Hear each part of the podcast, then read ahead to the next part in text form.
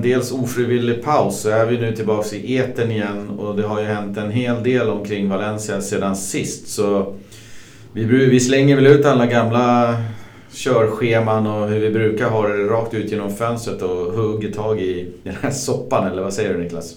Ja, det kanske också känns kanske som att vi kanske behövde någon vecka på oss och liksom smälta allting som har hänt. Eh, sen, samtidigt så känns det som när, när man börjar smälta den ena grejen så kommer det liksom dagen efter någonting ännu sjukare och nya nyheter att försöka smälta. Liksom. Så jag vet inte. Men vi ska väl försöka göra någon slags resumé och sammanfattning på vad som hänt. Vi fattar ju också liksom att de flesta som lyssnar här har ju ganska bra koll på vad, vad som hände. Liksom. Så vi går väl inte på djupet med vad som har hänt utan det blir väl mer en summering av det och sen försöka eh, analysera och försöka liksom få våra, våra tankar omkring allting och hur vi liksom ser på framtiden framåt och försöka försöka sätta oss in i hjärnan liksom på Peter Lim och Adil Murti främst kanske för att försöka förstå vad, vad det är man gör och varför man gör det. Verkligen. Man brukar alltid säga det att man ska inte riktigt handla i affekt och man kanske ska sova på saker. Men nu har vi faktiskt sovit på den här saken i, i två och en halv vecka och det blir bara värre varje morgon man vaknar känns det som. Så ja, det, det, blir lite i affekt det här också. Det är ju mycket som uh, pyser under locket på en själv så att säga. Ja, verkligen.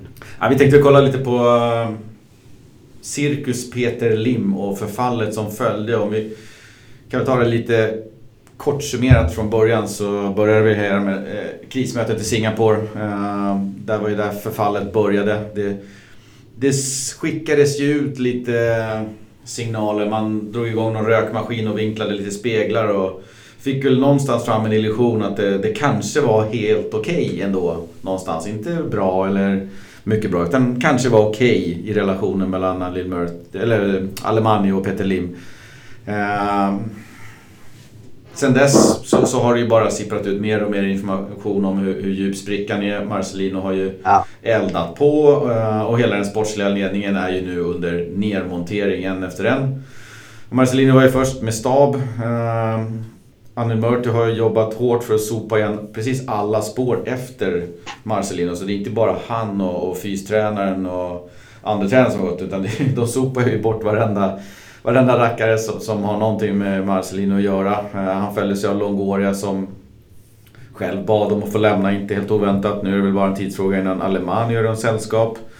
Eh, och än så länge så är det ju bara Marcelino som har ersatts. Eh, med tre månader kvar till vinterfönstret så, så är det väl kanske inte så här superakut panik att ersätta Longoria. Men, men allt det arbetet som, som han har gjort och han har stått, stått för och dokumenterat och, och sådär. Det flyger ju ut genom fönstret med Longoria. Det är ju alltså, det är hans personliga kontakter och, och sånt som han har odlat fram. Det är jag övertygad om att han tar med sig till nästa ställe. Och har du ingen han kan lämna över till så, så är det tack och hej med det arbetet. Och, vad det gäller Alemani då så sitter han i uppgift, eh, enligt uppgift i förhandlingar om sin exit skall vara lite mer komplicerat då. då eh, där han haft någon exit-klausul som kostar en hel del. Eh, det ja. verkar väl just nu som att Valencia har kommit till tål eller till förstått att han vill lämna och, och känner att okej, okay, men då, då gör vi det här på ett snyggt sätt. Så att jag tror att Alemani kommer lämna under samma Eh, fredliga förhållanden kanske som, som Longoria gjorde. Eh, litet pressmeddelande så är det klart. Eh, men efter det så är ju förfallet eh, i stort sett helt fullbordat. Allt det som byggdes upp efter Vår och, och Prandelli och Ajesteran, det är ju, nu är vi snart tillbaks där. Eh, hela den sportsliga ledningen är utrensad, planer, ritningar, röda trådar likaså. Eh, och, och det är väl kanske det som är det mest oroande egentligen. Vi ska nu återigen liksom vandla plan, planlöst runt på prärien i jakt på vad då? Vad, vad är de sportsliga målen och har vi något projekt liksom? Ja, nej men det är ju det är väldigt bra frågor och det finns väl egentligen ingen som har svar. Och det känns liksom som hela allt det här som har hänt. Alltså, fas 1 började ju då med att Marcelino och hela hans stab fick gå liksom, tre, fyra omgångar in på ligan som man startat svagt men absolut liksom inte tillräckligt svagt för att man liksom skulle få kicken. Så att det finns liksom ingen, ingen logisk anledning att sparka Marcelino i det läget. Och även om det skulle funnits det så är det kanske inte det som har varit det värsta här utan det har varit hela efterspelet och kommunikationen och liksom hur man som klubb har agerat här i efterspelet på något sätt. Mm. Och sen så kom ju då fas 2. Det var ju liksom att det, det som räddade Valencia från den krisen man hade här för tre år sedan Det var ju liksom att Alemani och Longoria kom in och skötte liksom allt det sportsliga utanför planen. Marcelino kom in och skötte allt det sportsliga på planen eller runt planen. Peter Lim och Mormotti kunde ta ett steg tillbaka. Nu, nu är liksom alla de här borta. Eh, och liksom de ersättarna som än så länge har kommit in har inte alls den personligheten, det mandatet eller den erfarenheten liksom att, att vara en rak rekrytering om man säger så. Utan mm. ersättarna verkar ju istället liksom vara handplockade marionetter som Peter Lim liksom kan, kan styra från, eh, från Singapore på något vis. Det är den känslan som man får. Och man, ingen förstår väl egentligen vad det är man vill ha ut av det här. Alltså det är liksom supersvårt att hitta några logiska förklaringar till. Okej, okay, men vad, liksom, någon slags plan tänker man väl ändå att eh, singaporianerna har målat upp. Men det är jättesvårt att liksom fundera den på papper och, och få förståelse. Nej, men alltså det, det, är ju oerhört provocerande att Karn inte ens åker till Valencia. Hej, ja. här är jag. Nu finns det lite trassel här på, på torpet. Nu ska jag åka hit och så ska vi ta lite samtal med folk och, och se vad som händer. Ingenting. Han sitter liksom på Formel 1 i Singapore istället och kvar hemma. Jag vet inte, så folk får ju flyga dit för att om man överhuvudtaget ska prata med honom. Sen är det hela det här Nordkorea-filtret som läggs på med, med, inga kommentarer överhuvudtaget kring var, varför Marcelino fick gå. Det är väl det fullständigt självklaraste att man går ut med en presskonferens eller någonting där man säger så här är det. Ja. Vi, det här och det här fungerar inte, därför valde vi att entlediga Marcelino från hans sysslor. Alla klubbar gör det här varje gång. Men man besvarar inte ens Marcelinos egna ord, eller ska vi kalla det för anklagelser eller gissningar kanske. Valencias kaptener krävde en offentlig förklaring, fick ingen. Eh, de gick in i något tystnadsläge och krävde att du måste gå ut och förklara för folket vad som har hänt. Eh, vi pratade precis innan, han gick ut med någon galet lam eh, enkelriktad monolog kring medias smutskastning av situationen. Sen är det totalt tystnad kring det nya projektet som finns det ens? Han har startat någon form av heligt krig mot alla som vädrar sitt missnöje. Alltså, ja, men det är liksom... Det, är alltså, det känns som Anil Morti som liksom blir den personen som, som gör allt det här. Sen så är det säkert liksom inte hans idéer allihopa utan det kommer väl från PV Peterlin får man anta. Men alltså, ja, han har ju noll idéer själv. Mortis alltså, taktik i det här det är liksom att rikta uppmärksamheten överallt. Liksom, ifrån det, det som egentligen är det brinnande som alla frågar efter. Alltså som då som du säger, man, man liksom går ut och pratar att, att det liksom är medias, Valencias medias fel att det är så oroligt i Valencia för att det är de som liksom skriver upp läget och liksom överdriver. Eh, man, man, liksom, man visiterar alla åskådare inför hemmamatchen och ser till så att ingen har banderoller som då skulle kunna vara kritiska mot ägarna.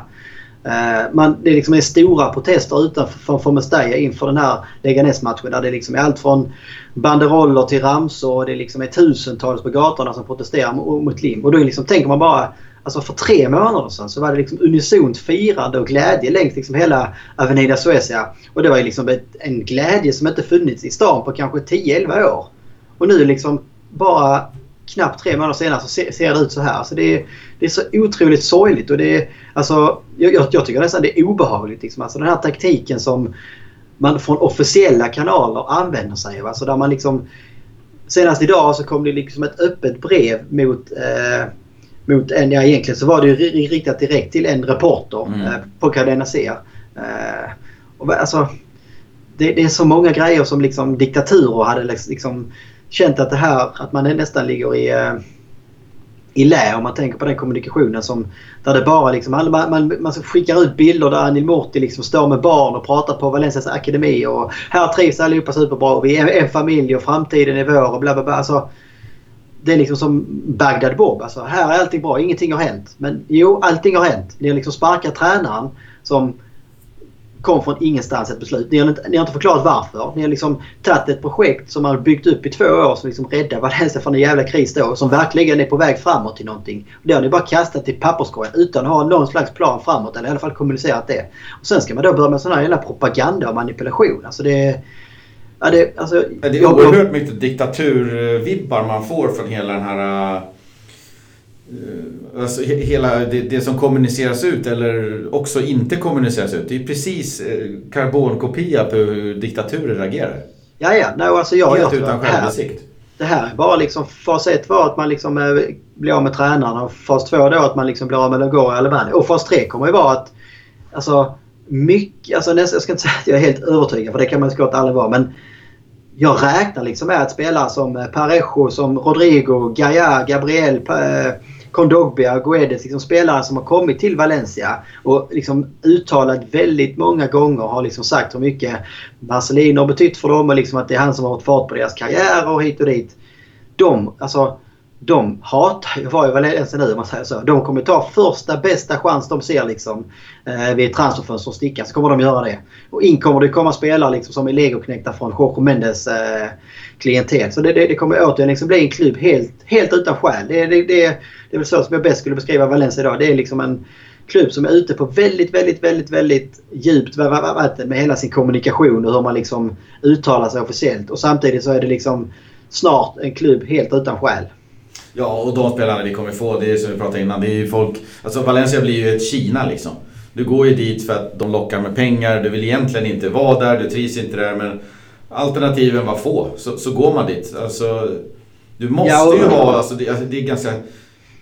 Det förklarar ju det ganska bra, ordet projekt, men egentligen så hatar jag det ordet. Eh, men har du inget projekt, du har ingen tränare, du har en tränare helt utan mandat du har ja. liksom ingenting, ingen substans att ta på. Fansen är galna. Vem vill till Valencia? Ingen. Vi är tillbaks ja. till, till eh, Gary Neville och, och den eran. Vi är där.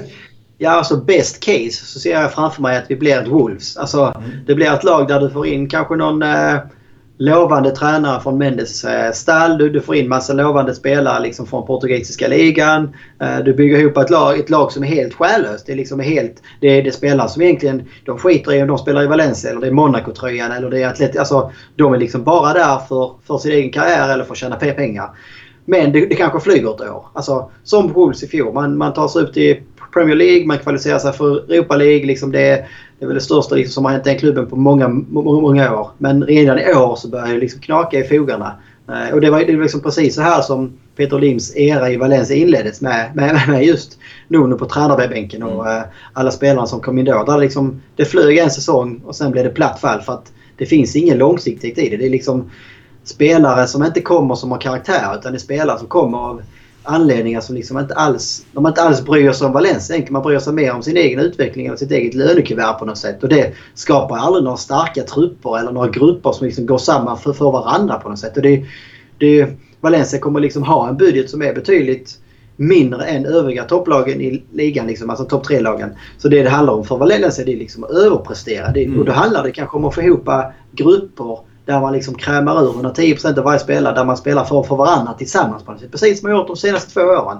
Och det kommer ju alltså... Du kommer ju ha så sett omöjligt för någon spelare eller tränare att komma till Valencia nu och liksom tycka att Valencia är ett seriöst projekt eller har en seriös satsning på gång. För att all trovärdighet liksom som ägarna har liksom det har man bara spolat ner i avloppet på något sätt. Ja, så är det. Och, och liksom förfallet vad det gäller ledningen i klubben, den är ju snart eh, fullbordat.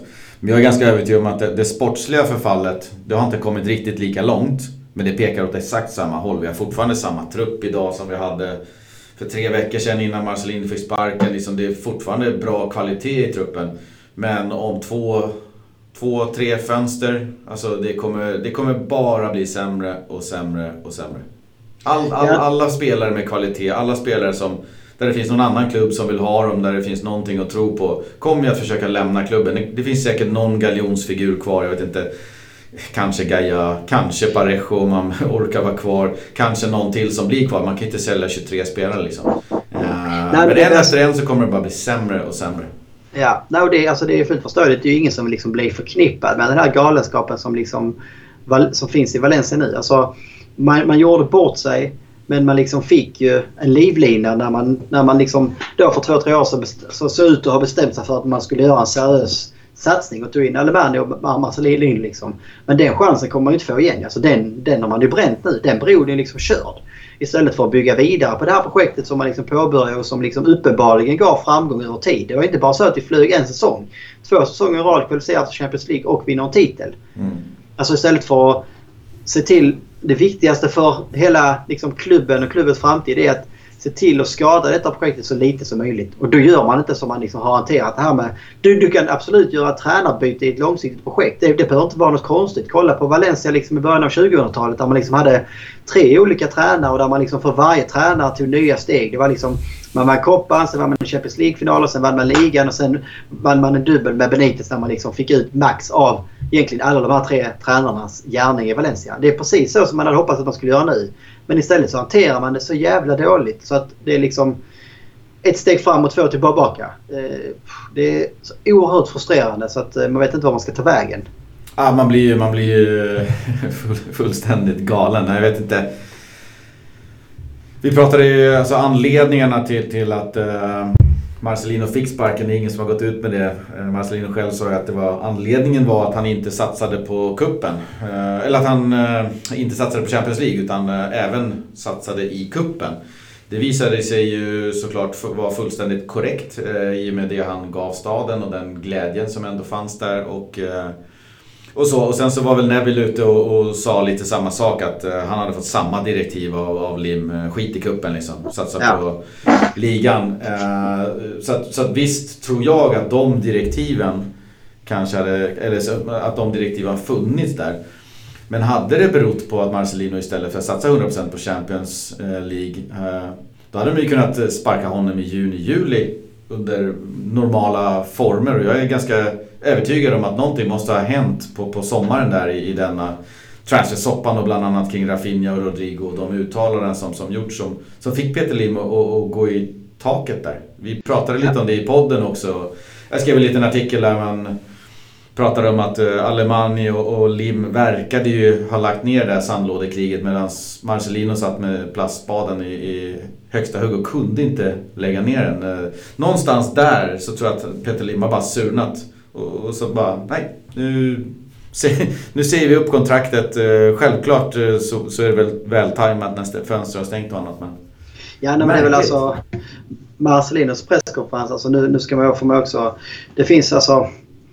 Det här är ju Marcelinos liksom sida av allting. Och jag säger inte att han sitter och ljuger och det tror jag inte heller. Men, men han har inte heller fått någon förklaring så han vet ju inte. Nej, nej, nej men det, det menar det här är hans tolkning av det. Och det är mycket det han säger låter väldigt, väldigt troligt. Alltså, mm. Sen att det, det, det han säger är liksom att nej, men det, det som utlöste allting var att jag vann Copa. Det, det, det är ändå svårt att säga. Det, det, jag skulle kunna tänka mig som Lim Mortis snea på under våren. Det var ju att, att man satsade så mycket på Copa del Rey som man gjorde och på Europa League tror jag. För jag tror inte man var intresserad av att man liksom skulle satsa hela vägen fram som man gjorde där heller. Samtidigt som man då var väldigt, väldigt nära att bomma Champions League. Alltså, nu i slutändan så blev det att nej, du tog Champions League och du liksom kom till semifinal i Europa League och du vann en titel. Så jag menar, när man väl vann titeln så tror jag inte att Peter Lim var sur för att man vann titeln. Jag tror mer det var sur för att man inte lydde order tidigare under våren. Alltså, Peter Lim såg liksom inte att... Alltså att Peter Lim tyckte antagligen inte att, man, att han såg att man prioriterar ligan. Uh, jag ser inte det, det som en det, anledning. Det räcker inte.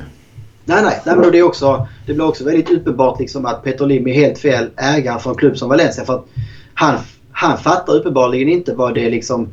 Vad, vad är Valencia CF till att börja med? Så för mig, jag skrev, jag skrev det i krönikan, för mig är ju Valencia CF det är liksom dess historia, det är kulturen, det är liksom hundra år av vinnande säsonger upp och ner. Det är inte liksom någon titel hit och dit och det är framförallt liksom inte tränare, ledare, VD. Alltså alla de kommer och går. Alltså Valencia är ju historia, kulturen och fansen. Och vad är det viktigaste för en klubb som Valencia? Ja men det är ju att någon gång vinna en titel och kunna få fira tillsammans och liksom bygga historia i klubben. Alltså alla som var i Sevilla den här helgen. De fattar ju liksom hur mycket denna jävla titeln betydde för fansen, för klubben. Alltså, du såg det på spelarna, du såg det på Marcelin. Alltså hur, hur, liksom, hur, hur, hur djupt den titeln liksom satte sig i så många personer runt omkring klubben att inte liksom Peter Lim ser det. För det var ju också uppenbart att han liksom under sommarens möte med Marcelino hade han ju inte ens eh, sagt grattis. Och han var inte med på något firande efteråt. Liksom. Det hade mer varit ja, men grattis till Champions League-platsen och ingenting om Copa. Så det blev så uppenbart att nej men fan, det är ju inte Marcelino som ska gå. Det är ju du Peter Lim som ska gå. Mm. För att det, Marcelino representerar ju liksom de drömmarna och de målsättningarna som alla runt omkring klubben har. Sen fattar jag också att det rent ekonomiska spelar superstor roll som vi har pratat om innan. Eh, liksom om man ska prioritera det ena eller det andra. Jag fattar alltså, jag, jag är liksom inte naiv så att jag, jag, jag inte förstår vad Champions League-pengarna behöver. Men att man liksom... Ja, och sen... Men fatta ja. vilken sits han sitter i Peter Lim i juni. Han har för andra året i rad kvalificerat sig till Champions League. Hela staden, hundratusentals människor firar. Alla är överlyckliga över ett cupguld. Projektet, om man nu kallar det för det, mår ju aldrig, har ju aldrig mått så bra som det gjorde i, i försommaren i, i somras. Så värvar vi Maxi Gomes och varvar igång det här. Och sen börjar alltså, hur kan det gå därifrån? När allting mår så bra. Han måste ju också känna att shit, det här, nu, nu går det här bra.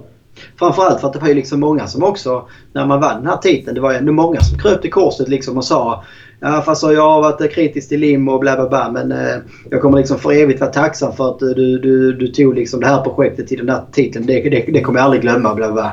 Så att det var ju liksom på många sätt var det också Peter Lims möjlighet att få någon slags upprättelse. Alltså, även om jag har liksom svårt att se att folk kommer älska honom som ägare oavsett om det här inte hade eller inte. Så var det ändå, det kändes ändå på något sätt som att många av kritikerna börjar ju svalna för att du hade ju Peter Lims projekt liksom ändå de facto gett en titel. Alltså det, det, det kan man aldrig ta ifrån honom ju. Mm. Och att då liksom inte fatta Alltså att inte då ta rätt beslut efter det. Utan, alltså, ibland så undrar man liksom, om man liksom han vill bli hatad. Om han liksom, det här är något jävla socialt experiment på något sätt. Att liksom, hur kan jag göra för att upprätta, liksom, hur kan jag liksom förstöra en klubb på 50 olika sätt? Jag vet inte. Eh, och det var ju liksom det, det som också Marcelino och många eh, runt omkring också analyserade om. Det var ju liksom att ja, egentligen hade ju Lin bestämt sig för att kicka Marcelino i juni. Men det var mm. två anledningar egentligen som gjorde att han inte kunde göra det. Det ena var det rent känslomässiga. Alltså jag tror inte Peter Livs känslor utan det känslomässiga det, det, det skulle sprida om Marcelino har precis tagit liksom den första titeln på 10 år. Eh, alla minns ju liksom hans tårar när han höll tal på, på Mestalla och han har väl aldrig varit mer älskad i Valencia än han var de här dagarna. Eh, och samtidigt spelartruppen också hyllar honom. Så att det hade varit alldeles för känslomässigt att kicka honom så direkt efter en ändå bra säsong resultatmässigt. Och det andra var ju att man var rädd för att kickar vi honom då så kommer vi tappa nyckelspel under sommaren. Så därför måste vi vänta till fönstret är stängt. Ja, nej, de har ju kissat i brallan på så många olika sätt så att det, jag vet inte, man blir ju bara matt när man går igenom det här från det här förfallet på tre månader som Ja, nej, det, känns, det känns som att man hade börjat eh, smälta liksom. Men nu när man börjar prata om det igen och börjar tänka på allting som har hänt så rusar pulsen upp till icke så nyttiga nivåer igen. Det, alltså, alltså Sprickan är ju så jäkla total nu också. Det, ja, ja, det finns ja. ju, det är en avgrund mellan alla som följer klubben. Från reportrar till supportrar till, till folk i staden, folk runt om i världen. Alltså, det är exakt samma mörker nu som vi upplevde för, för ett par år sedan. Ja, framförallt så var man i ett läge där Alltså det var helt onödigt. Du behövde inte ta någon risk nu. Alltså, jag, jag, hade fattat om man hade gjort det här draget liksom i vintras att man inte liksom hade tålamod med Marcelino då. Jag hade fattat om man hade gjort det under sommaren och haft en bra plan och liksom en bra förklaring till. Jag hade fattat om man hade gjort det senare år eller till nästa sommar att man vill liksom byta tränare. Och att man, men att det också det är det som man irriterar sig på också. Att det känns liksom inte som... Det finns ju liksom ingen tydlig plan. Alltså att Celades kommer in jag har inget emot honom. Alltså, det, det är nästan lite synd om honom också man säger så. Men det, det man kan liksom känna det är så. Det, det, det, det, är en jävla paniklösning. Alltså, det är ju inte så att man har suttit och skissat en plan om eh, vad händer liksom post Marcelino i Valencia. Men då är det Celade som vi, vi ska ha, ha som tränare. Och att det liksom var någon timing nu. Att nu var han ledig så nu måste vi agera. Typ som Liverpool fick göra för några år sedan. Att helt plötsligt så blev Klopp ledig. Eh, man vågar liksom inte vänta på att han skulle vara ledig ett halvår senare. Eh, så man liksom kickar tränaren lite för tidigt kanske för att kunna få in Klopp. För man kände liksom att det är han som på lång sikt ska bygga det här vidare. I Valencias fall så är det helt alltså, på det sättet hjärndött med den rekryteringen. Alltså man har ju, tränarmässigt har man också tagit liksom ett steg fram och fem steg tillbaka. För nu, nu, nu är vi tillbaka på de här oerfarna tränarna som aldrig lett ett A-lag liksom på La Liga-nivå. Det är precis de här tränarna som vi haft i 5-6 år och som liksom ingen lyckats. Alltså, man lär ju inte sig av sina misstag heller. Det är det som är så himla Ja. de får inte komma med sitt team heller. De får inte komma med sitt tänk och säga att nu behöver jag värva in spelare som, som jag känner till, som, som passar mitt system. De har ju ingenting att säga till om. Celades är precis som du sa, det är Nicke Docka som är där. Han tycker så här, oj, häftigt att träna Valencia. Det, det, Nej, ja, det vill jag ha på CV. Ja. Får jag, hur får jag jobba då? Nej, nej du, du blir tillsagd av Alin Murti vad du får göra och inte göra. Ah, ja, okej, okay, det funkar för mig. Han har ju liksom ja. ingenting när, när Klopp kommer till Liverpool, då, kom, då köper du inte bara Klopp, utan du köper hela hans fotbollsfilosofi och så lägger du din, din tro på honom i hans händer och säger här, Klopp, gör någonting bra med våran förening. Inom ja. de här stora ramarna. Celades Han ska ju flytta koner och välja vem som ska ha gröna och röda västar på träningen.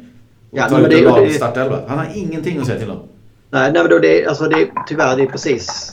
Det, det, det är så det känns liksom att det, det är precis så som Peter Lim vill ha det. Alltså, han vill... Marcelino och Alebani har ju varit... Alltså, han har väl upptäckt att de är alldeles för starka personligheter. De, är liksom, de har ju blivit större än Peter Lim och Motti. Och det är det som inte de här asiaterna klarar av. Alltså, det är det som har blivit... De är är, de som rädda för att tappa ansiktet kanske. Om det är liksom, ah, folk verkar vara missnöjda med mig där borta och nu är det någon annan som bestämmer att ta på sig all cred och liksom... Det kanske Ja, jag vet, är alltså- grejer. Ja, jag fattar. Alltså, om det hade varit den saken så då, då, alltså, då, då borde man ju istället liksom behållit massa, alltså för nu, om det är någonting som man har gjort nu så är det verkligen att tappa ansiktet. Eh, men det är väl liksom att man vill man vill liksom känna att man har 100% all makt. Och det har man liksom antagligen känt mer och mer att man har tappat till Marcelino och Alemani som vi pratat om innan. Att där, där, där finns det alltid två sidor av allting. Där är det väl säkert också viss del att liksom Marcelino och Alemani hela tiden har kunnat flytta fram sina pjäser så att säga. Och kunna ta mer mandat och kunna ta mer beslut och sådär. Eh, och det är liksom det, det klarar väl uppenbarligen inte Peter Lim av. Att inte han liksom får bestämma allt 100% och då, då måste de personerna under honom gå. Då, liksom, då kommer det in personer som han vet att han, han har 100% pli på som aldrig liksom kommer att kritisera honom eller som aldrig liksom kommer att gå emot honom på något sätt eller ens eh, utmana honom. Nej, värdelöst. Uh, ska vi försöka få ner pulsen lite grann då? Ja, det... vi kan väl kolla på den här Celades då, Albert Celades, vad det är för någon. Jeppe. Eh, så kan vi väl kika lite på korta reflektioner om framtiden när vi har lugnat ner oss en stund då. Ja, det bra. Eh, det är i alla fall en tränare då från spanska fotbollsförbundets eh, organisation. Det är väl där han har gjort sig sitt namn i den mån han har ett. Han kom ju dit efter en helt okej spelarkarriär. Det var väl nästan 150-200 matcher i La Liga, 70 i Barca och 70 i Zaragoza tror jag det var när det begav sig. Ja, och det är ju en fin spelarkarriär såklart. Eh, Absolut. något år efter att han hade varvat ner i, jag tror det var USA, så, så klev han ju in på förbundets linje. Eh, tog över U16-laget en säsong. Eh, när Julian Lopetegi, som då var tränare för U21, klev av det uppdraget och tog över Porto så fick Celades då kliva in och ta U21. Så det tyder väl på att han kanske hade gjort ett bra jobb. Det lär ju funnits en U17, U18, U19 tränare och lite annat folk som suktar efter ett U21-jobb. Det är ju faktiskt ett väldigt meriterande jobb inom, inom fotbollsförbundet att vara U21-tränare. Absolut. Ja. Eh, inom den världen och inom landslagsvärlden då. Där blev det då fyra år med U21-laget. Eh, han tränade med bland annat eh, Soler och... Eh, ja, det var någonting. Jag glömde bort vem det var. Han tränade i alla fall ett par Valencia-spelare där. Eh, eller hade dem, Det var ju fyra år där. Eh, och under den tiden så vikarierade han även eh, i A-landslaget som assisterande. Och när det uppdraget tog slut på U21 så klev han ju in då i VM 2018 som assisterande till Lobetegi. Eh, Och det vet vi hur det gick. Han fick ju avgå innan det ens började. Ja, innan det började så hade, kom det fram uppgifter om att Lopetegi hade skrivit på Real så dit följde ju då Celades med. Eh, Men där vart det ju pannkaka. Eh, De hade ju väl sålt Ronaldo och Zidane hade försvunnit och så vidare. Så att, Ja. han försvann därifrån. Det är väl Sevilla nu va? För Lopetegi. Precis, det är väl det som liksom rent spontant så var det så det känns. Okej, det, detta är Albert Celades. Han är liksom eh, det är Sevillas huvudtränares före detta ASS-tränare. Det är liksom han som ska kliva in nu och Ja. ta Marcelinos mantel. Det är en tränare som aldrig har tränat ett seniorlag. eh, Aldrig tränat ett La Liga-lag. eh, Eller klubblag liksom- för den delen tror jag. Nej, nej precis. Och har liksom helt okej spelarkarriär. Helt okej liksom, eh, tränarkarriär från U-sidan. Inte Mm. så liksom att det är liksom någon super... Eh, eh, han har liksom inte gå- gått rent och gjort liksom några under med U-lagen på något sätt. Eh, så att det, det var ju liksom... Det kändes... Ja, alltså återigen, det är liksom en... Någon slags marionett och det var liksom någon paniklösning som, som var le- ledig. Eh, Men det var det jag undrade. Han vart ju erbjuden vad jag förstod något jobb i Segunda B eller om eh, han blev nobbad. Någonting som han hade sökt. Jag kommer inte ihåg exakt hur det var. Men hur i helsike hamnade han i Valencia? Jag har Ja. inte lyckats lista ut vilken connection han har till Lim och Mendes. Och kanske är det så enkelt att Lim liksom snöat in helt på unga spelare som ska lotsas in. eh, Och den vägen fått upp liksom Celades. Liksom. Ja, men han tränade i u under fyra år. Han kan unga spelare. Alltså, Hur hamnade han på radarn? En portugis hade jag hajat. Ja, det är Mendes. Ja. Eller någon annan avdankad lirare. Ja visst. Men varför Celades? Nej men jag, jag, jag tror det alltså. eh, För nu, det, det är också det lilla, det enda liksom som man har liksom förstått mot Ma- Marcelino så sa man ju lite indirekt när man då presenterar Celades från officiella håll så var det liksom så att nej men Celades är en tränare som liksom mycket gärna vill ge unga spelare chansen och han är bra på liksom eh, eh, ja, forma talanger och liksom få dem att utvecklas och blomstra på något sätt. Eh, och det, det blev väl då liksom att tydlig signal också att man inte tycker att Marcelino skött den biten. Eh, Ja, det blir ju indirekt kontentan. Ja, och det, är egentligen, det var egentligen det enda som man beskrev Celades som. Så menar, eh, därför måste det ju vara anledningen till att Valencia har hittat honom eller valt honom så att säga. Att det är de unga spelarna. För annars hade man väl liksom... Hade varit... Nej men vi, vi, vi tror att Celades står från fotboll som vi vill spela nu istället. Någon positivare fotboll eller bla bla bla. Men det, det enda man pratade om det var ju liksom att eh, han är väldigt bra på unga spelare. Och det... Ja, jag, jag, jag förstår att man inte kunde säga, säga mer för det är det enda han har på sitt CV. Nej, jag, jag kan inte sätta fingret på hur Valencias och Albert Celades väg korsades. Alltså om han hade tagit över Valencia Mestalla. Då hade jag tänkt, ja men, ja, men det känns bra. Det, där kan Ja, vi behöva det- någon ny sån där schema science och alla de här. Det, det känns relevant. Men A-laget, det, det är fullständigt absurt. Ja. Nej, det hade ju varit mycket mer logiskt om det hade kommit liksom en... På ett sätt alltså en, en, en Mourinho till exempel. Sen så faller väl det antagligen på grund av att han är... Han har en åsikt. Precis, han är inte riktigt den här eh, marionettdockan. Framförallt hade han väl inte varit efter, efter, efter en stund på något sätt. Eh, men det Nej, finns liksom en Villas Boas kanske som liksom har varit ute på savannen ett tag som kanske skulle vara intressant. Alltså det finns ju liksom många mer etablerade namn. För det är det, det, är det man har lärt sig med Lim. Liksom, det är att han älskar ju de här namnen ju. Eh, så liksom och det hade du kunnat tagit in om du hade liksom sparkat Marcelino. Kanske lite på ett snyggare sätt. Kanske någon vecka tidigare. Eh, hade du kunnat fått in ett namn. Och det Ja. hade ju kunnat kanske fått en Longoria och en, en Alemani kanske att känna att Nej men här kom det in ett namn som tar över. Det här blir spännande. Ja, Ja. nu, Ja, ja, jag kör vidare. Nu när de gör så här så tar min Albert Celades. Alltså jag, jag har svårt att föreställa mig vad, vad Alemani ens tycker om, om Celades och hans kunskaper och vad han ska tillföra. Jag tror att Alemani börjar kika på dörren direkt. Det bara, "Nej, men nu, det här är ett skämt. Alltså, Ja, ja. Nej, men det blir ju det blir så uppenbara signaler liksom om att man, att man tar hela det här gamla projektet och bara kastar det rakt ner liksom i papperskorgen. För att det finns liksom... Det, det, det, det finns ingen som liksom kan på ett seriöst sätt stå framför spegeln och säga att Nej, är helt rätt man att ta det här projektet vidare. Alltså, är säkert... Alltså, jag har alldeles för dålig koll på liksom... Jag liksom kritiserar inte Selades. Han kan säkert vara en, en fin tränare men det här är ju liksom helt fel projekt för honom också. Alltså, Ja, det speciellt med bakbundna händer. Ja, alltså både det och du kommer liksom inte i omöjligt läge. Alltså, vad, Celades, alltså, vad ska Celades göra den här säsongen för att man liksom ska tycka att han- har varit framgångsrik? Han ska minst komma fyra i ligan. Han ska nästan minst ta sig till någon, någon liksom större final och kriga om en titel. Alltså, allt, alltså, det var ju som vi pratade om i somras. Vad är liksom eh, förväntningarna på Valencia i år? Ja, Celades har ju samma trupp. Så att det måste ju vara samma förväntningar nu. Ja, alltså rent krasst. Om man Mm, liksom är bortser det. från hur mycket allting stormar och mycket det påverkar psykiskt. Så liksom, det är det jag menar för Celades är det ett omöjligt uppdrag. För att han kan inte, alltså så som all, all, den här stormen blev måste han också själv liksom ha känt att jag kommer aldrig kunna göra en bättre säsong än Marcelino gjorde i fjol. Eh, och vad, alltså, då är det vad jag än gör. Kommer vi femma, sexa i ligan, katastrof. Blir vi utslagna hyfsat tidigt i Champions League, katastrof. Alltså, kommer vi inte långt i Copa del Rey, katastrof. Alltså, han har verkligen bara, bara, bara saker att förlora här och väldigt, väldigt lite att vinna skulle jag säga. Ja, men de har, precis. Celades menar du? Eh, Jag tänker Ja. från hans horisont så, så känner jag, skulle jag nog kanske också tagit jobbet med, med tanke på där han står. Det blir en jäkla kickstart i hans eh, karriär på hans CV. Han går från U21 till, till Real till Valencia. Så jag Ja. förstår ju att han tar jobbet ur den aspekten. Men han har ju inga förutsättningar för att lyckas. Alltså det, det går inte. Det, det, jag skulle säga att det är omöjligt. Samtidigt så tror jag också att det är en jäkla stor risk att det blir en Gary Neville. Liksom. Du kommer till Valencia, du bränner dig så jävla djupt att du liksom känner efteråt att jag vill aldrig mer bli tränare. Gary Neville har ju sagt det liksom att han, han kan aldrig någonsin tänka sig sätta sig på en tränarbänk igen. Och jag tror att det är risk liksom att det kan bli så för Celades med. Om, om du får ett för stort och för ett omöjligt uppdrag som ditt första riktiga uppdrag som Valencia. Alltså, det är ungefär Celades läget nu är nästan samma som Gary Neville-läget. Va? Det var kanske till och med lite värre för Neville där.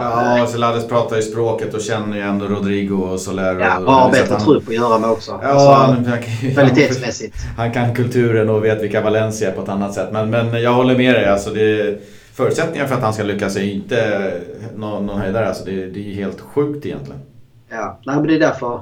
Alltså å ena sidan kan man tycka synd om honom. Å andra sidan så har det inte varit särskilt svårt för honom liksom att få alla förutsättningarna klara. För allt det här har ju varit liksom väldigt öppet i, i media för alla att se. Mm. Eh, så har man bara gjort någon slags liksom, background check och DD på okay, vad har hänt i, om, om, om man liksom inte nu hängt med i Valencia de senaste fem åren så tar det inte så lång tid att förstå liksom vart, vart det här är på väg att barka. Sen så visst, kanske Solades inte heller var, var beredd på liksom att eh, kommunikationen och allting efterspelet skulle skötas så jävla dåligt från Valencias håll. Och det har ju, alltså, som vi pratade om innan, man har skickat upp Celades ensam på, på presskonferens och sitter liksom där ensam på podiet och svarar på varför klubben har gjort si och varför klubben har gjort så när han själv har varit där i fyra dagar. Så att, eh, jag tror inte att det kanske är den här starten som han heller blivit lovad när han tackar ja till det här jobbet. Nej, speciellt i Champions League i, i i England där, där media är ännu större. Nu är kanske de mest imponerade, eller nyfikna på Chelsea va? men det är ju skicka upp han där och, och inför Barca-matchen ändå som är väldigt stor, ja. om inte annat spansk angelägenhet. Så, alltså det var ju fullständigt galet att ingen kan kliva in där. Att man inte sköter det på ett bättre sätt. Där tyckte jag ja, ja. verkligen synd om Selhades. Ja, nej men det är ju det. Sen, ja precis, alltså man tycker synd om honom på ett sätt men å andra sidan så har han ändå själv liksom, det är ingen som har tvingat honom att tacka ja till jobbet. Nej. Det är liksom ingen som har tvingat honom in i den här situationen. Så att han, han, han har ju tagit sig an den här utmaningen på något sätt. Eh, det enda jag känner liksom att det är självklart att, att man måste ge honom chansen. Alltså det, det, det är inte hans fel att Marcelino är kickad eller att eh, kommunikationen har, har varit dålig. Alltså han har gjort allting rätt på något sätt. Så det är väl självklart att han ska få en chans att visa sig. Och det hoppas jag liksom också att, att truppen känner att eh, man liksom inte är bittra på honom. Och det, det tror jag inte heller. Det är väl det som man också...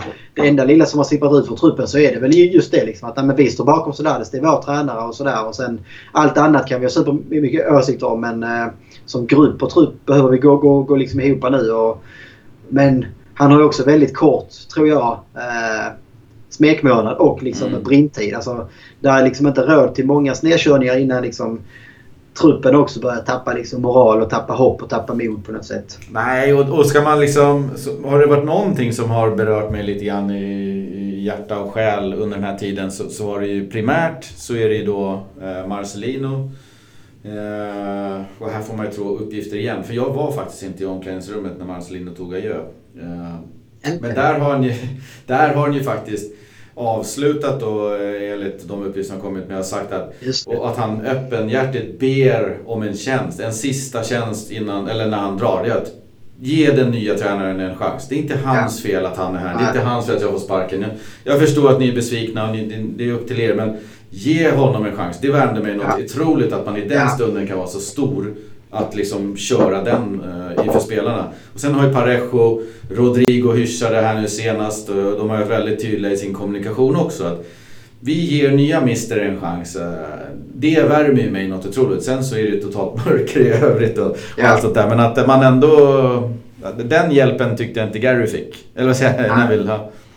Nej, nej, jag håller med till 100 procent. Alltså det, och det säger ju också någonting alltså mer om vilka personer det har att göra med. Alltså du, du, du kan vara tränare och du, du kan vara spelare men i slutändan är ju alla personer. Mm. Jag tycker att det här hedrar liksom både Marcelino som person mm. och liksom de spelarna som personer som, som du säger, Parejo har varit ute väldigt mycket och verkligen agerat som en lagkapten ska göra i, i sådana här eh, kriser eller stormar om man säger så. Och som du sa så var det ju nu senast hemmamatchen här så började publiken eh, sjöng Marcelino-sånger. Alltså det var inga hatsånger eller mot eh, Slades eller sådär.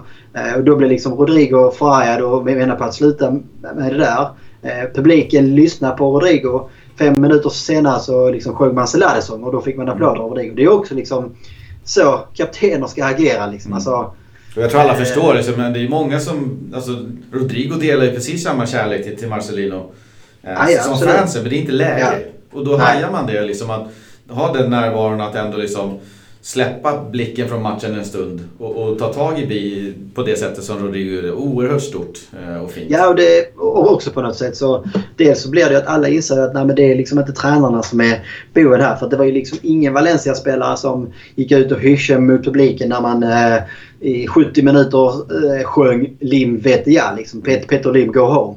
Så det blev liksom uppenbart att nej, där där lägger inte spelarna sig för där har nog spelarna med publiken. Mm. Men när det liksom kommer till tränarfrågan och de här personerna så är det liksom...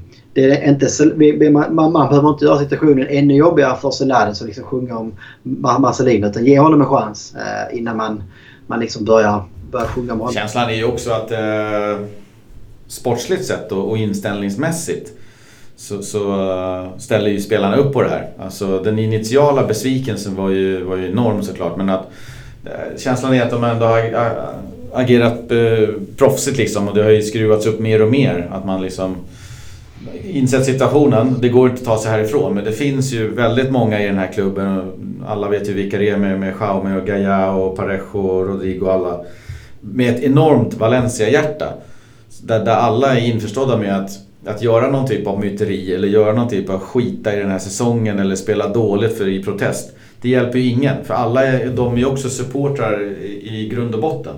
Och där tycker jag det är ganska kul att se att det ändå finns en proffsig inställning till, till matcher och så vidare. Sen så har det inte gått eh, allra så, så lysande så kanske man tror. Men eh, det tycker jag också har varit kul att se att de ändå verkar köra järnet liksom och har kommit över det där på något sätt. En liten brasklapp kanske man får slänga in där. Det är väl liksom att eh, jag tror också man får liksom förvänta... Nu, truppen, alltså det, det som varit positivt är att man liksom har märkt att truppen vill ge Selades en chans. Mm. Eh, frågan är liksom hur gruppen och truppen kommer att agera om, om man liksom inte tror på Selades. Om man liksom märker efter ett tag att man inte tycker att han är en tränare. Alltså, om man inte tycker att han lever upp till de förväntningarna som man kan ha på en Valencia-tränare. Nej, och precis. Det kan ju komma över tid. Men jag tycker ändå ja. nu, alltså, det var ju som tre dagar före matchen han fick sparken. Och Visst, det gick käpprätt åt, åt eh, helvete mot Barcelona. Men samtidigt så är det Barcelona borta, ett hungrigt Barcelona och så vidare. Eh, men att man ändå tar sig i kragen och, och vinner mot Chelsea borta. Nu kanske inte det var så övertygande och det kunde ha studsat åt ett annat håll. Eh, jag tycker ändå att de, jag hade fullständigt räknat bort en seger mot Chelsea, det kan jag säga. Ja, och vi kan väl vi kan väl göra någon snygg liten övergång. Där, där kanske börjar... Ja, det, det var det länge sedan matcherna spelades. Men om jag bara ska kort summera Celades första matcher i Valencia så började det som du säger med Barca borta två, tre dagar efter att han tog över. Och det finns väl få uppgifter i världen som kanske är svårare än Barca borta som sitt första matchuppdrag som Valencia-tränare. Eh, och det stod ju 2-0 tidigt och blev till sist 5-2. Eh, och den, alltså jag håller med mig där, den insatsen det tycker jag är supersvår liksom, att egentligen analysera om. Jag tror både Selades själv, alltså han hade inte hunnit påverka hans idéer. hade liksom inte hunnit gå till spelarna eller någonting sånt. Jag tror många spelare var väl också liksom chockade över allt som hade hänt i veckan.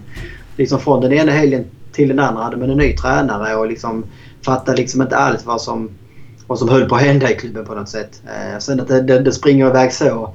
Ja, det är, det är jävligt olyckligt. Eh, sen åkte man till London vann mot Chelsea 1 borta. Inte särskilt rättvist men det var väl precis kanske det som Valencia och Celades behövde. Trodde man ju i alla fall. Liksom att få en seger och liksom få en seger där kanske ingen tror på dem. Eh, att det liksom på något sätt skulle, skulle komma ut något positivt ur det. Och det ska vi kanske inte helt räkna bort att det kan göra fortfarande. Men tyvärr så följdes ju segern i London ut mot 1-1 hemma mot Jumbo och Leganes som tog sina första poäng i ligaspelet. Och jag vet inte. Eh, han har ju börjat smyga in lite eh, taktiska förändringar i alla fall. Mot Barca var det ju en rak, eh, det var ju samma eh, elva som Marcelino hade kört. Ja. Eh, varpå han smög in någon... ja, det, var ju, det är svårt att tyda sådär när, när man inte... När man inte får hans tankar på pappret. Men det var ju lite annorlunda uppställning i försvar eh, kontra anfall i alla fall. Eh, och det utkristalliserade sig ännu mer mot eh, Leganes. Ja, nej, men det är ju någon slags mer ett 4-3-3 eh, åtminstone när, när man anfaller. Eh, sen så har ju Rodrigo snackat om att ja, men i, i försvarsspelet så spelar vi 4-4-2 mm. Eh, som, som vi gjorde innan men när vi anfaller ska vi spela mer 4-3-3. Och det, ja jag vet inte, alltså det är uppenbart att han, han vill spela annorlunda. Och man kan se också ibland tycker jag att man det är mer ett bollinnehavsinriktat spel som Celades är ute efter. Det hänger väl ihop liksom med hans bakgrund också. Varit i Barcelona och haft mm. liksom U-lag där det handlar... Alltså kollar man på spanska landslagen så är ju det liksom som är huvudsyftet. Det är liksom ett stort bollinnehav och då lite finare fotboll om man nu får säga så. Mm. Men det, det jag också tycker är uppenbart det är ju att Valencia har inte truppen till det här och truppen och laget är ju inte uppbyggt efter det här spelsättet på något sätt. Samtidigt som jag också bara kan känna så här. Man måste också, alltså, kolla lite historiskt på, på liksom Valencia. Även om det, det kan vara olika mellan år. Men de senaste 20-25 åren, hur har Valencia spelat när man har nått framgång? Jo men det var tajt bakåt och det var snabba spelvändningar framåt. Och varje gång liksom man har fått för sig att Nej, men nu ska vi spela ett eh, finare fotbollsspel. Nu, nu, ska vi liksom, nu ska det vara en vackrare fotboll eller bla bla bla. Ja, men det blir alltid pannkaka. Och det, då blir man också, jag, blir, jag kan också bli så jävla provocerande när de som då när Marcelino fick jag. Ja men det är skönt för nu, nu kanske vi kan börja spela lite roligare fotboll. Så, vad är rolig fotboll? Alltså kan någon, någon, någon liksom förklara det för mig? För jag tycker det är den sämsta, sämsta jävla eh, fotbollstermer som finns så är det roligare fotboll. Alltså vill man vara ett Betty som spelar, liksom, har tusen passningar inom laget men aldrig får något resultat. Alltså vad, vad, är meningen med fotboll då? Ska det vara liksom en cirkus som åker runt och underhåller? Ska det delas ut poäng som en jävla bedömningssport? Alltså fotboll handlar väl om att vinna. Det handlar liksom, för mig kan kontringsfotboll vara mycket, mycket vackrare än 500 passningar i sidled och bakåt. Alltså vinn och var framgångsrika och effektiva. Sen så spelar man vackert, det skiter jag helt och hållet i. Nej, lite så är det alltså om man ser helt svart och vitt på det så eh, om man är i underhållningsbranschen så vill man ju gärna vara rolig. Och är man i en prestationsbaserad bransch så vill du gärna vinna. Eh, ja. Och jag tenderar ju att se fotboll som en prestationsbaserad bransch. Eh, def definitivt om man håller och följer ett lag som Valencia. Sen så kanske det finns vissa klubbar som kanske Real Madrid och kanske Barcelona som har råd att medan ja. de vinner Exakt. också underhålla. Exakt. För de möter ja. Alaves hemma och det blir 8-0 och då kan man liksom så här. Så jag, i, I Valencias fall så handlar det om, en, för mig, en prestationsbaserad bransch. Det handlar om resultat. När dammet har lagt sig i slutet av dagen eller säsongen så ser vi hur presterade vi. Jag får ingen nöje av att äh, vi kom sjua och missade Europa. Men vi spelade roligt. Ja, det finns ingenting det... där för mig. Nej, men det är lite så jag känner också. Liksom kan provoceras av de som ändå tycker att det är något positivt med att ja, men nu, nu kan vi liksom... För, alltså, kolla på Marcelinos två säsonger, alltså rent krasst. Ja, alltså, jag har otroligt svårt att köpa något argument på att man hade kunnat göra bättre resultatmässigt än det Marcelino har gjort. Alltså, vad mer kan man kräva liksom av ett Valencia med den budgeten man har och man liksom kan värva de spelarna man, man, man kan än att man ska kvalificera sig till Champions League två i rad och man vinner en titel. Alltså, allt alltså det, det är liksom, att vi vinner titel är egentligen en bonus. Mm. Alltså med, jag liksom fattar inte vad, vad folk... Alltså, jag har också stört mig på. Alltså, det, det, det är inte det att jag helt plötsligt kommer ut här som någon Marcelino-frälst och menar att han inte har några brister eller fel. Alltså, det är uppenbart att, att Marcelino hade supersvårt att liksom hitta sätt att vinna mot eh, lågt sittande lag. Så här och hans offensiva taktik att den inte riktigt flög i Valencia. Och det är därför som jag har liksom menat på att man kanske ska byta tränare. Men jag har aldrig... Alltså, inte jag, till något roligare. Nej, precis. utan för att vi ska ta alltså, nästa steg. Exakt. Ta det vi har och finslipa det. Inte mm. liksom så ta det vi har, kasta det och sen börja om och liksom, eh, prova no något helt annat på något sätt. För det, det känns också som att man är ute på rätt halt vatten. Att redan nu liksom tre omgångar in så ska du göra så här stora förändringar spelmässigt när truppen är så inspelad i det gamla tänket också. Och truppen är uppbyggd. Alltså man har värvat spelartyper efter det.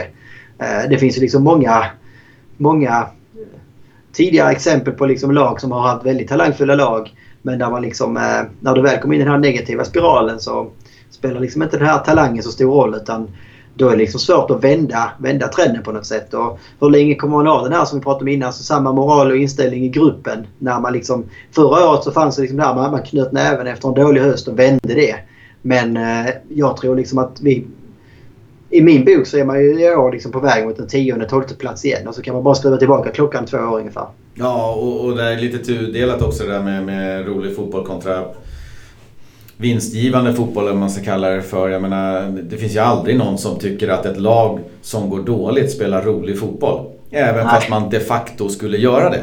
Uh, spela rolig fotboll. Det är ju när man vinner, det är det som är roligt. Sen kanske fotbollen inte alltid är rolig, men alla mår ju mycket bättre. Alla är ju gladare när du vinner kanske 1-2-0. Eller om du förlorar en svängdörrsmatch med, med 5-4.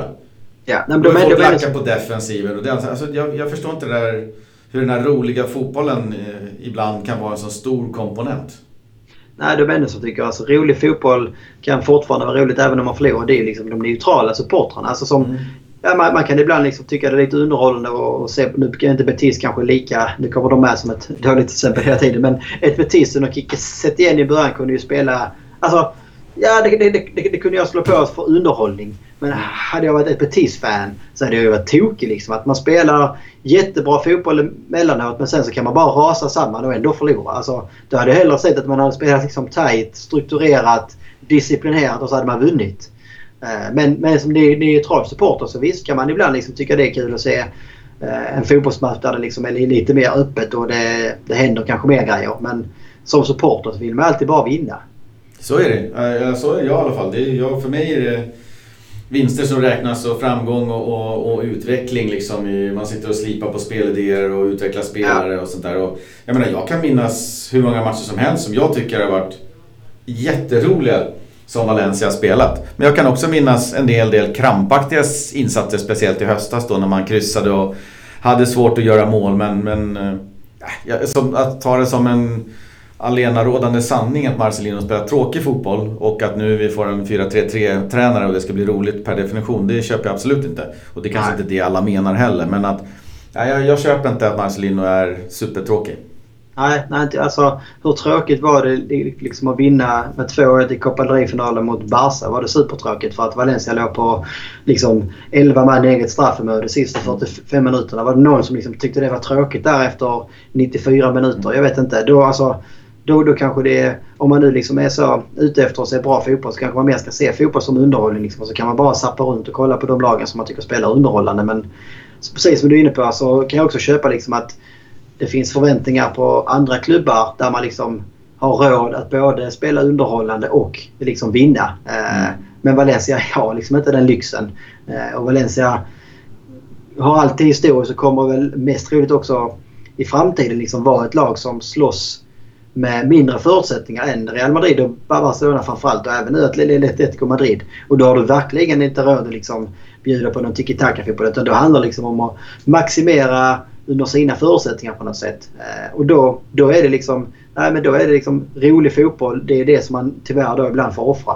Ja, och, och maximera efter sina förutsättningar. Där tycker jag att Marcelino har gjort ett gott arbete.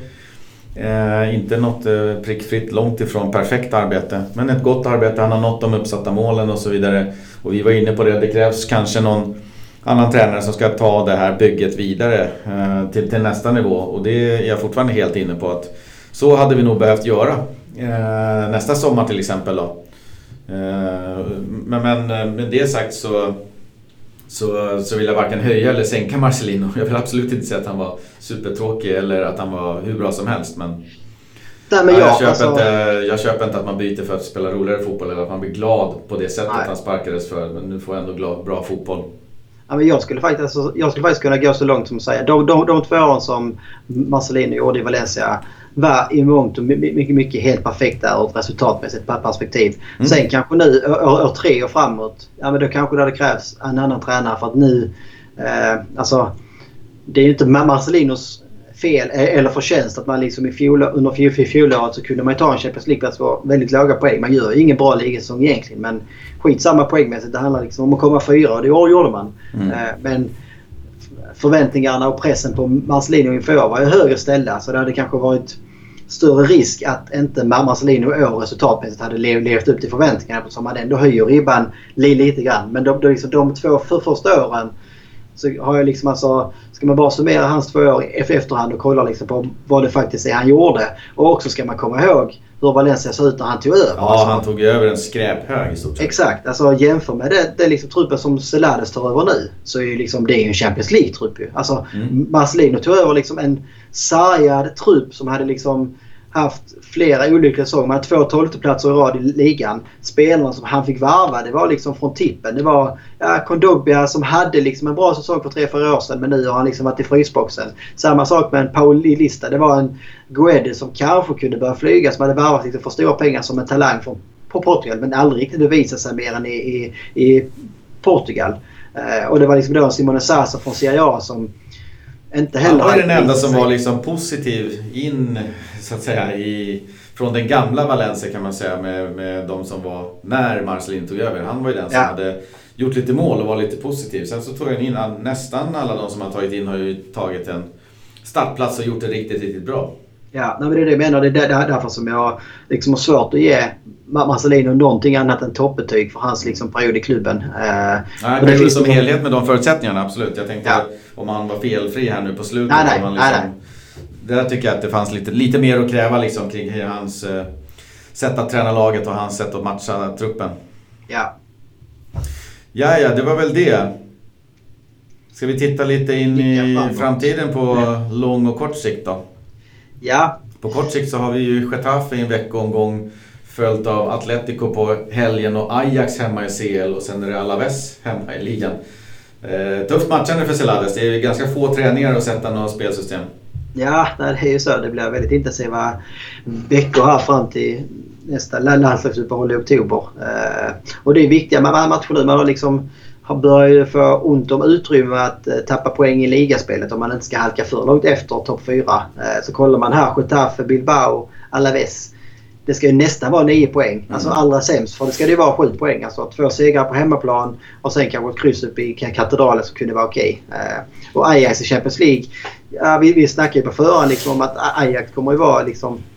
Ajax, Chelsea och Valencia kommer väl vara liksom de stora kandidaterna om att komma topp två i, i eh, gruppen. Eh, så att Ajax hemma må- måste man ju också vinna egentligen om man liksom eh, tänker på vidare Champions League-spel. Så det, ja, det är liksom... Sen skulle hela laget och Celades då, om man nu ska sätta någon ny boll i rullningen och dra ut en ny riktning för så här ska vi spela. Eh, skulle ju må oerhört bra av att få lite segrar, eh, få lite vind i ryggen, få lite lugn och ro.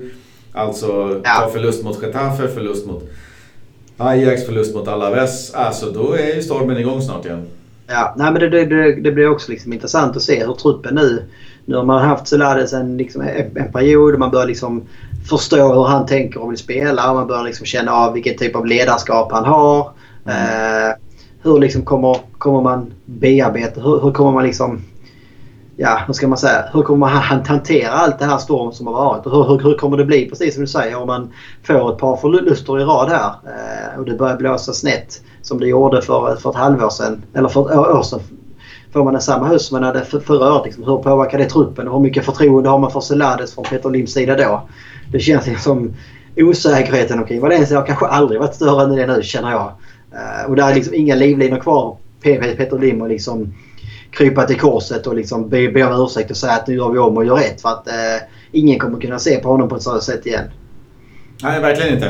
Eh, Jag tror i och för sig att om det börjar gå dåligt så tror jag i och för sig att Peter Lims eh, tålamod med Celades är längre än supporternas med ja, Lim och Celades då. Utan det är ganska snabbt, om det skulle gå dåligt så tror jag att folk ganska snabbt kommer avfärda honom som inte är tillräckligt kompetent och man vill ha bort honom Ja. och någonting annat.